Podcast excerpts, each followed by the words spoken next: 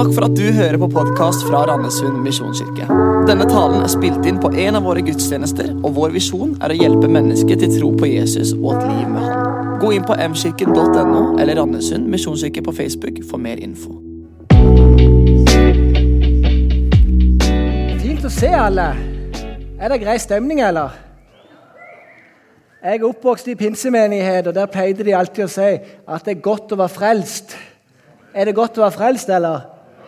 Ja, men det er greit. Jeg skjønner vi litt kanonspråk her, men det var det jeg vokste opp med.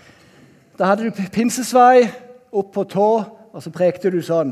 Så de er ganske sterke i akillesen, eller i leggen, kan jeg si dere. Veldig gøy å være her, og jeg skal prate om eh, det å ha det bedre sammen. Og Min tittel er at vi er skapt til relasjon. Og når Gud skapte himmelen og jorda, som vi leser om i første Mosebok, så skapte han det første mennesket, som var Adam. Adam han gikk rundt alene på jorda. Han bevegte seg, han spankulerte. Han hadde mange dyr å være sammen med, men de prata ikke så mye. Så Gud merka at Adam han er litt ensom. Og Gud er jo en trening Gud. Du har Gud Fader, du har Gud Sønnen og du har Gud Den hellige ånd. Så det at Gud vet hva relasjon er for noe. Så En dag så steg Gud ned fra himmelen, kom ned til Adam, så begynner de å prate sammen. og Gud spør ja, Adam er du litt ensom. Ja, jeg er litt ensom. Ja, Syns du jeg skal lage ei dame eller en kvinne til deg? Ja, det hadde vært fint, Gud. Det hadde vært fint, Gud. Ja, Men det vil koste deg noe, Adam. Å ja, vil det det? Og så begynner Gud å fortelle. Jeg skal lage ei dame til deg. Og Hun dama kommer til å lage middag til deg hver dag. Hun kommer til å komme med kaffe på senga. Hvis dere krangler noen ganger, kommer hun alltid til å si 'Du har rett, jeg er enig med deg'. Hun kommer til å stå opp med ungene alltid, hun kommer til å ta alle nettene. Hun kommer til å være der bare for å serve deg. Og Adam tenkte ja, dette høres jo fantastisk ut. Så spør Adam da Gud ja Gud, hvor mye vil ei sånn ei dame koste meg. Nei, Det vil koste en fot og en arm. Så tenker David med seg sjøl. Ok, Gud, hvor mye kan jeg få for et ribbein? Og resten er historie. Jeg syns han slo bedre an på gudstjeneste 2 enn 1. Altså, det er god start. Er god start. Alltid gøy med sånne teologiske vitser. Du vet aldri helt hvor de vil havne hen. Men det havner greit.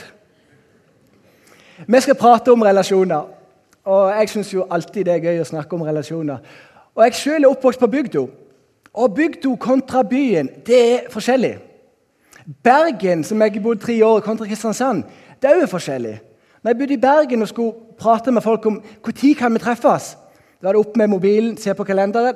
Ja, jeg kan om fem uker klokka fire til seks. Ja, men da kan ikke jeg. Ja, men da ser vi ja, om åtte uker. Ja, men da avtaler vi om åtte uker. I Kristiansand her klarer folk det på to til tre ukers varsel, så det er bra. Men hjemme på Haua, der jeg er oppvokst mange ganger når vi satt og spiste middag altså, Grytene hadde så vidt kommet på bordet, vi hadde akkurat tatt ei skje av maten, så kom det plutselig noen inn på kjøkkenet. Ja vel. Det vet ikke om vi sier vel, men hei, fint å se dere. Og vi ser bort. Ja, hva gjør du her nå? Vi sa jo ikke det, det var det vi tenkte. Men altså, nei, jeg tenkte bare skulle komme inn med en liten tur. Ja, men kom inn, Det passer jo perfekt. Har akkurat spist middag og støvsugd huset og vaska toalettet. Og ingenting som er bedre. Så er de med seg tre unger. Ungene får kjeks og springer rundt på hele gulvet. Ja, men det er fint, det. Sett deg inn. Sitter de der i stolen omtrent som stive pinner, og du må intervjue, du må grave, og du må spørre hvordan går det egentlig med deg. sant? Altså, Sånn er det litt på bygda. Og Folk kommer jo i tide og utide. De kunne komme tre på dagen, sju på kvelden. Av og til kom de klokka tolv, og de gikk jo bare rett inn. Og Min favoritt er jo søskenbarnet mitt. Han reiste til USA i tre uker. og bare for å illustrere hvordan det er på. Han gadd ikke engang å låse huset. Tre uker til USA, åpent hus, og det verste av alt er jo når jeg prater med en som sier ja, du, nei, så sier, nei, problemet er jo at jeg mista nøkkelen for ti år siden. Så huset har ikke vært låst på ti år. Og Da skjønner vi det annerledes. For Hjemme hos oss er jeg gift med ei som heter Kristine, som er oppvokst i Oslo. Og Det er forskjell på Haug og Oslo. bare si det til dere. At Kristine låser jo døra alltid. Og på det verste så er det hendt at Kristine har gått i forveien med barna. Og når jeg er kommet til døra, så er døra låst. Det er ikke ofte jeg blir irritert, men da kjenner jeg det. At her har vi gått for langt. Så jeg kan bare si det at det er forskjell på folk. I 1. Mosebok 2,18 så står det Da sa Herren Gud, det er ikke godt for mennesket å være alene. Jeg vil lage en hjelper av samme slag. Jeg skal ikke prate om ekteskap og sånn nå, jeg skal prate om vennskap i dag. For jeg tror jeg er helt overbevist om at alle oss som er her inne, alle i hele verden, vi trenger noen gode venner rundt oss. Jeg tror vi kan få et bra liv om vi ikke velger å gifte oss. Jeg er helt overbevist om det. Men, jeg tror ikke vi kan få et bra liv hvis vi ikke har gode venner rundt oss. For det er vi totalt avhengige av. For 25 år siden så hadde en gjennomsnittsamerikaner seks nære venner. Nå i dag så har en gjennomsnittsamerikaner to nære venner. Så på 25 år så har vi fått fire venner mindre som er nære. 25% altså én av fire, sier at de ikke har noen nære venner. Det er ganske mye, spør du meg. Så det er tre hovedgrunner til dette. Det ene er jo at vi jobber og gjør noe hele veien. Noen som kjenner seg igjen i det? Vi er travle. Og nå så prøvde jeg i pausen å sjekke min, jeg har en, en, hypotese som jeg er ganske sikker på. Men jeg spør ofte folk hvordan går det med deg. Og ingen svarer på spørsmålet. De sier jo 'jeg er travel'. Nei, hvordan går det med deg? Jeg er travel. Jeg står opp nå. Jeg spør, ikke, jeg spør hvordan går det med deg. Og Så prøvde jeg nå ut i pausen. her, ja. Og så prata jeg med noen. Jeg skal ikke henge dere ut, men uh, da fikk jeg travel, jeg fikk hektisk. Så tenkte jeg meg selv at ja, jeg har faktisk rett på akkurat det her. Så det ene er at vi gjør noe hele veien. Det andre er økende skilsmissetall. At det sier jo seg sjøl. Hvis vi skiller oss, så mister du de vennene. Så, altså, det er veldig mye som skjer. Og det tredje er eksplosjonen av sosiale medier. Det tror jeg vi alle kan kjenne oss igjen. Ofte når jeg er ute på kafé, så elsker jeg å bare sitte og kikke på folk. Ikke om du gjør det, men jeg, jeg, jeg elsker å se på folk, for det er så mye, det er mye rart der ute. Vi kan egentlig si det sånn. Det, det, er jo det som er rett ord. Og Jeg sitter der og kikker, og det som slår meg noen ganger, som gjør meg veldig lei, det er jo at gang etter gang så kan jeg se familier sitte sammen. De kan være fem stykk, to voksne, tre barn. Så sitter alle på hver sin telefon ute på, kafé, eller ute på restaurant. Og sånn går hele måltidet. Så tenker jeg med meg selv at Det går ikke an å bygge relasjoner på den måten der. Så Eksplosjonen av sosiale medier har ekstremt mye å si for de tingene der. Når du leser Bibelen fra første Mosebok til Johans åpenbaring, så ser du at det på en måte er tre typer relasjoner som jeg legger merke til i løpet av det. Og Det ene er jo relasjonen til Gud. Jeg skal ikke prate om det i dag. Det andre er relasjonen til hverandre. Og så er det tredje relasjonen til skaperverket og måten som vi behandler skaperverket på. Men jeg skal snakke om fokuset som vi har sammen. Og I 1. Mosebok 1, 26-27 så står det Gud sa, la oss lage mennesker i vårt bilde, så de ligner oss. De skal råde over fisken i havet og fuglen under himmelen, over fe og alle ville dyr og alt krypet som det kryr av på jorden. Og Gud skapte mennesket i sitt bilde. Og når vi er skapt i Guds bilde, så er vi skapt til relasjon med hverandre. Det har så ekstremt mye å si. Relasjon er så viktig. Og så er vi ulike, og det skal jeg anerkjenne nå. Noen blir litt stressa når jeg prater for mye om mennesker og relasjon, for de har lyst til å være i fred. sant? Så er det andre typer som er bare sånn at ja, gi meg mer, flere venner. Og jeg har ikke lyst til å dra deg med til mine foreldre. Mine foreldre har vært gift i 47 år. Det er en god stund. Og jeg kan si deg det at De er så vidt forskjellige. De kommer virkelig fra to forskjellige jeg vil nesten til to forskjellige univers. kommer mine foreldre ifra. Og min mor hun elsker mennesker. Hun får aldri nok av folk. Og Skal du være med, skal du være med mamma og handle på butikken, da blir du ikke ferdig. Så treffer hun den og skal prate med den, så treffer hun den, så treffer hun den, så treffer hun den, så må hun klemme den, og så må hun sånn og sånn. og Folk sier at jeg er lik, og jeg er jo det. Men, men du, du, du kommer ikke noen vei.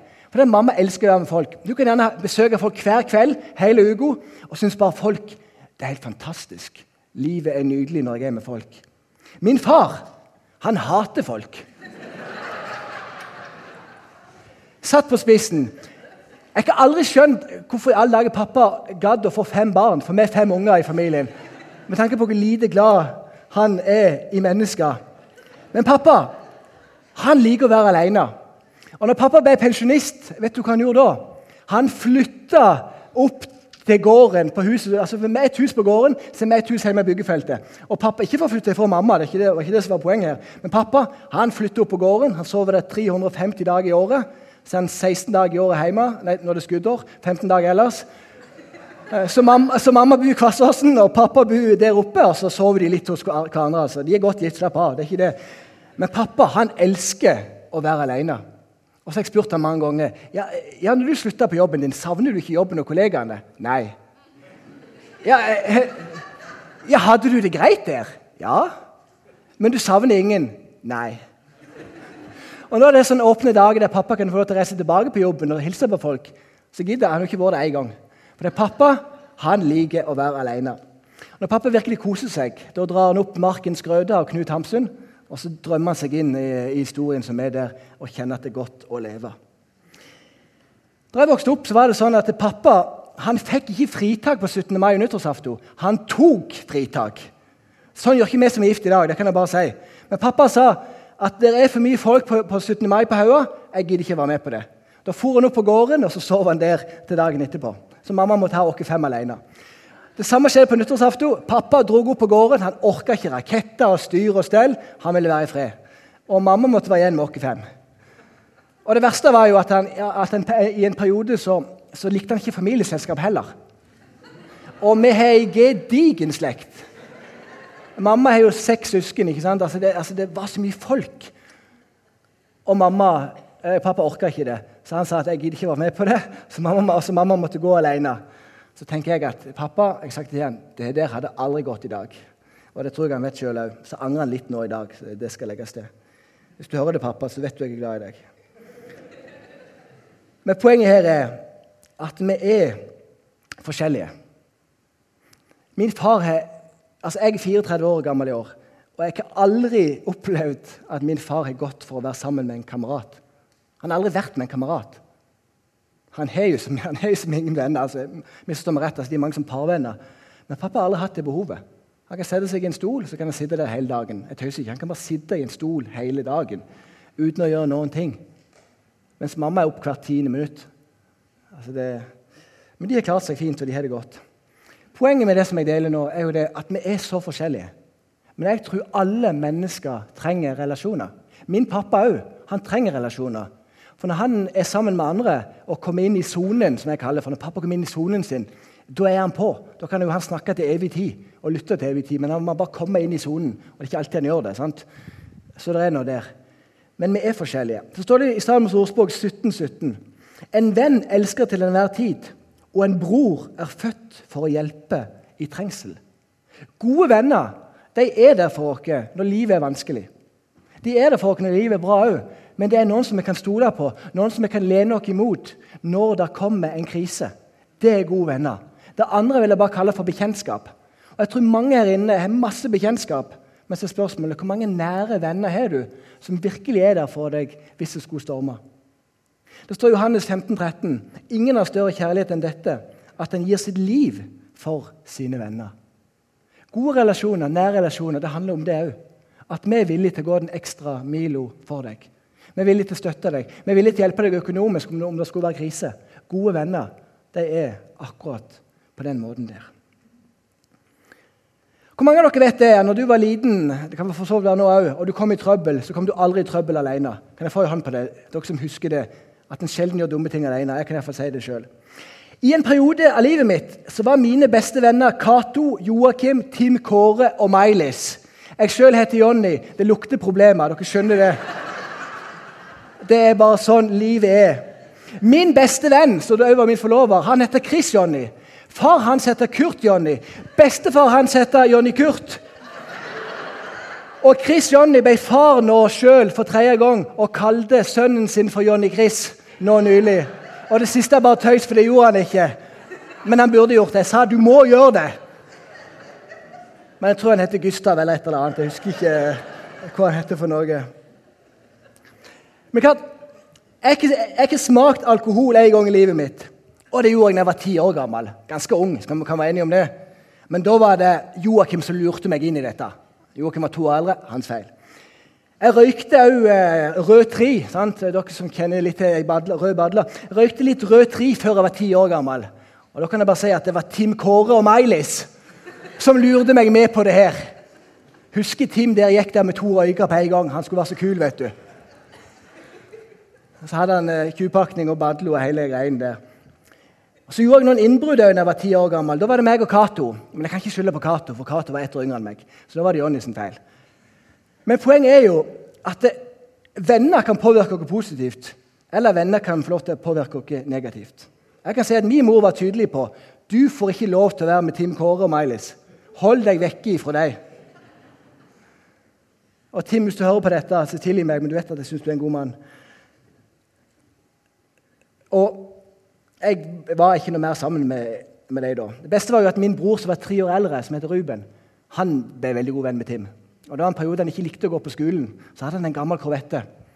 Og jeg tenker noen ganger eh, Hvor dum går det an å være? Eh, tenker jeg av og til. Eh, om Ruben spilte akkurat da, ikke sånn, ikke sånn, generelt ellers. Men han satte seg på korvetten, og Tim bodde rett ned Bjørke. Satte seg på korvetten, så kjørte han ned til Tim. Vi snakker 40 meter. Det er bare rett rundt svingen. Og Så kjører han ned til Tim, så kjører han inn i garasjen til Tim. Så setter han korvetten, mopeden, innerst i garasjen. Så tenker jeg med meg sjøl at kom du i hvert fall hadde kjørt bare litt lenger, en tur ned til Haua, som er sentrum der som jeg kommer fra, og hjem igjen, da hadde ikke mamma skjønt at hvis mopeden sviver i tolv sekunder, da skjønner jo mamma at du er der. Så, så når mamma kjørte forbi, da, så kunne du bare se inn i garasjen, og der sto jo korvetten på utstilling. Så alle skjønte jo at min, min bror var der. Så han fikk heller ikke lov til å være med Tim etter hvert. Men sånn er livet. Min mor var alltid sånn at Jonny, du blir lik de du henger med. Jeg var tydelig på det. Og Som en annen klok mann har sagt at vis meg dine venner, så skal jeg ta og vise deg de framtid. Det er ingen som drømmer om å bli alkoholiker. Har du noen gang møtt noen som bare sier en fireåring når jeg blir stor, da skal jeg bli alkoholiker? Har du noen gang møtt det? Jeg har ikke det. Eller når jeg blir stor, da skal jeg gå personlig konkurs. Det er min største drøm. Det er ingen som sier det. Men grunnen ofte til at en ender opp i de problemene og utfordringene, er fordi at en får feil venner. Så enkelt.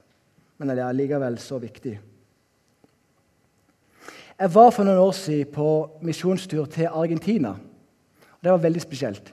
Jeg kom til en menighet der som hadde starta for 25 år siden. Nå er kanskje 30 år gammel. De starta med å ha et gatemøte. Ingen kom på møte, men de forkynte evangeliet. Men langt vekke så var det en fyr som hørte ordene. Det var en fyr som hadde tenkt å ta livet sitt den kvelden.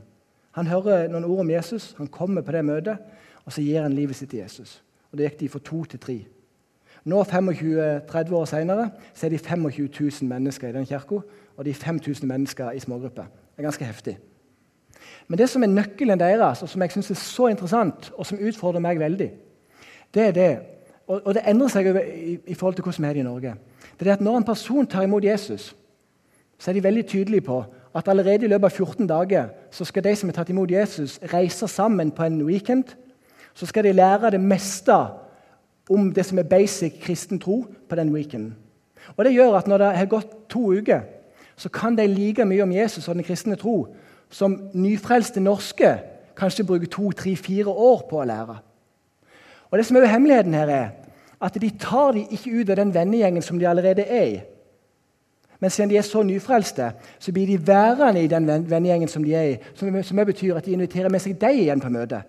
Fordi at de merker at det har skjedd noe med denne personen. Og så tar de imot Jesus igjen. Og sånn vokser menigheten. For Det som ofte skjer i Norge, det er ikke fordi vi tenker over det, men det er det at eh, Se at jeg tok imot Jesus. Og så slutter jeg å henge med mine venner fordi de har dårlig innflytelse på meg. Så går det noen år, og så, det, så, ble det, så, ble det, med meg. Men de andre tok ikke imot Jesus. For nå har jeg fått nye kristne, gode venner. Og så er jeg veldig for og det skal jeg prate mest om, altså, men jeg er veldig for at vi skal ha gode kristne venner. og det er det viktigste. Men vi må også passe på at vi treffer mennesker som ikke har en tro. Jeg pratet just med en venn av meg som jobber i en kristen institusjon. og Han sa det at jeg kommer til å slutte her fordi at jeg er nødt til å begynne å treffe mennesker som ikke tror på Jesus. Fordi at det blir for trygt, alt det som jeg holder på med. Og Jeg tror at vi noen ganger må våge å gå ut av det trygge som er der. Det står i ordspråkene 1320.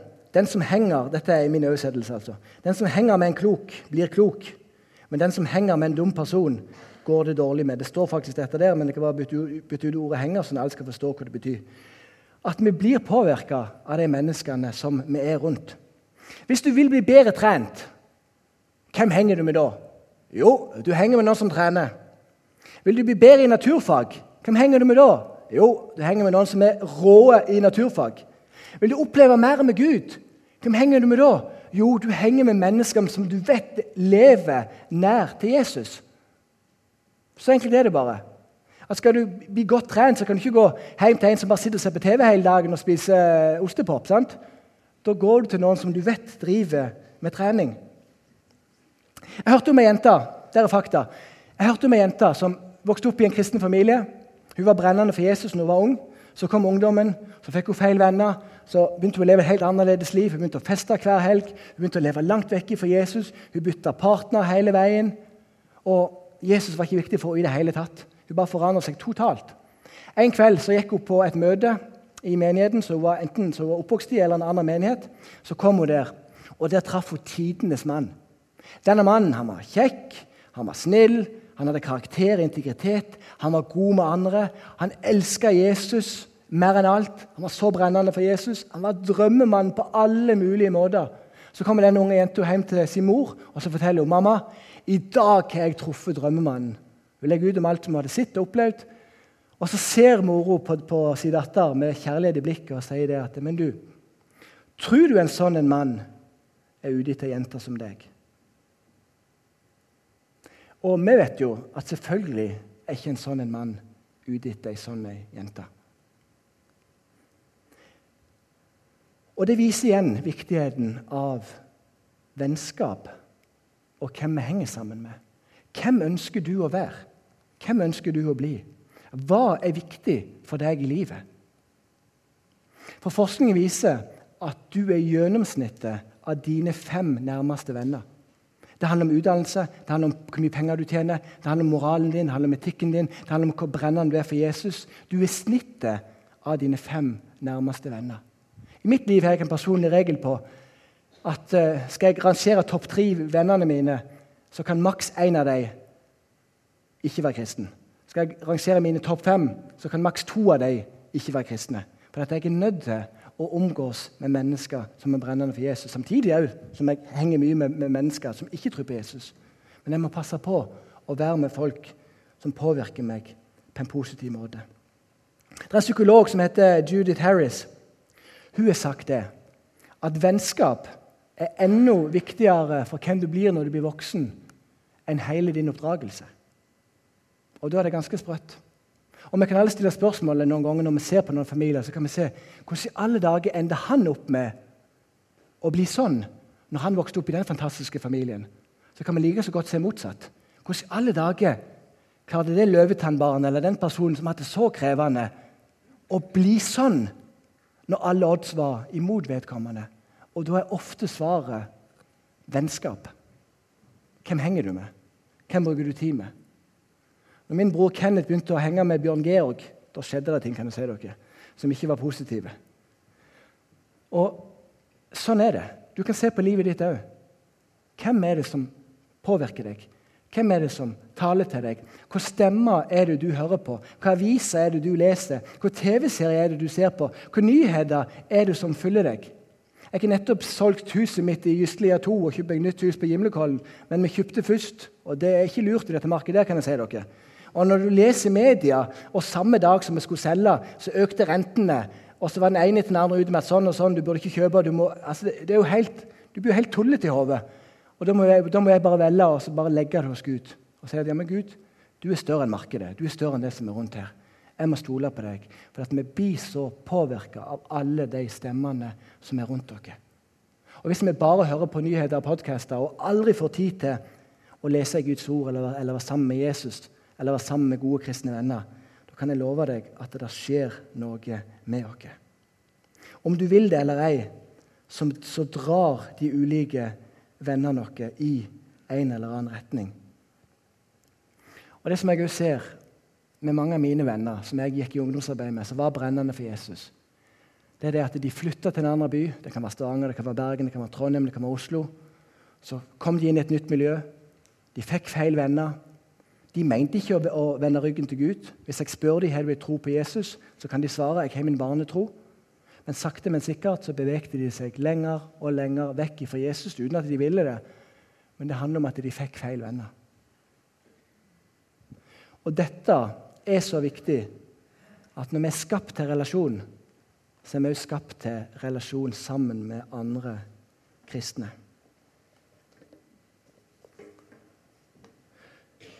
Og det hadde jeg lyst til å dele med oss i dag.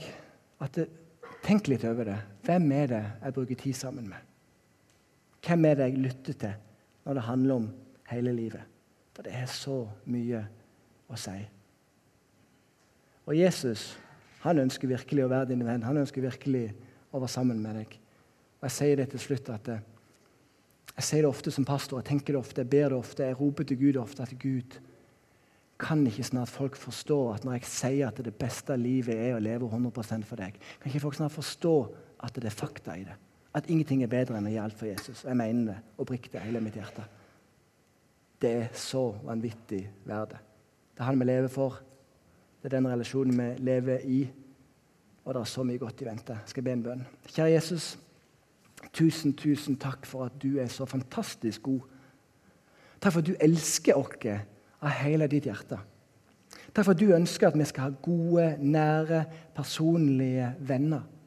Så vil jeg legge alle her inne, far, og spesielt de som ikke opplever at de har noen gode, personlige venner eh, som tror på deg, at du skal sende gode kristne venner til dem. Venner de kan få lov til å be sammen med, venner de kan lese Bibelen sammen med, venner de kan få lov til å bare kjenne at de oppildner hverandre, og der de kjenner at når de har vært sammen, så får de en større brann for deg og ditt rike, Jesus. Jeg ber deg om det, og jeg bare legger alle her inne i dine allmektige, gode hender. Amen.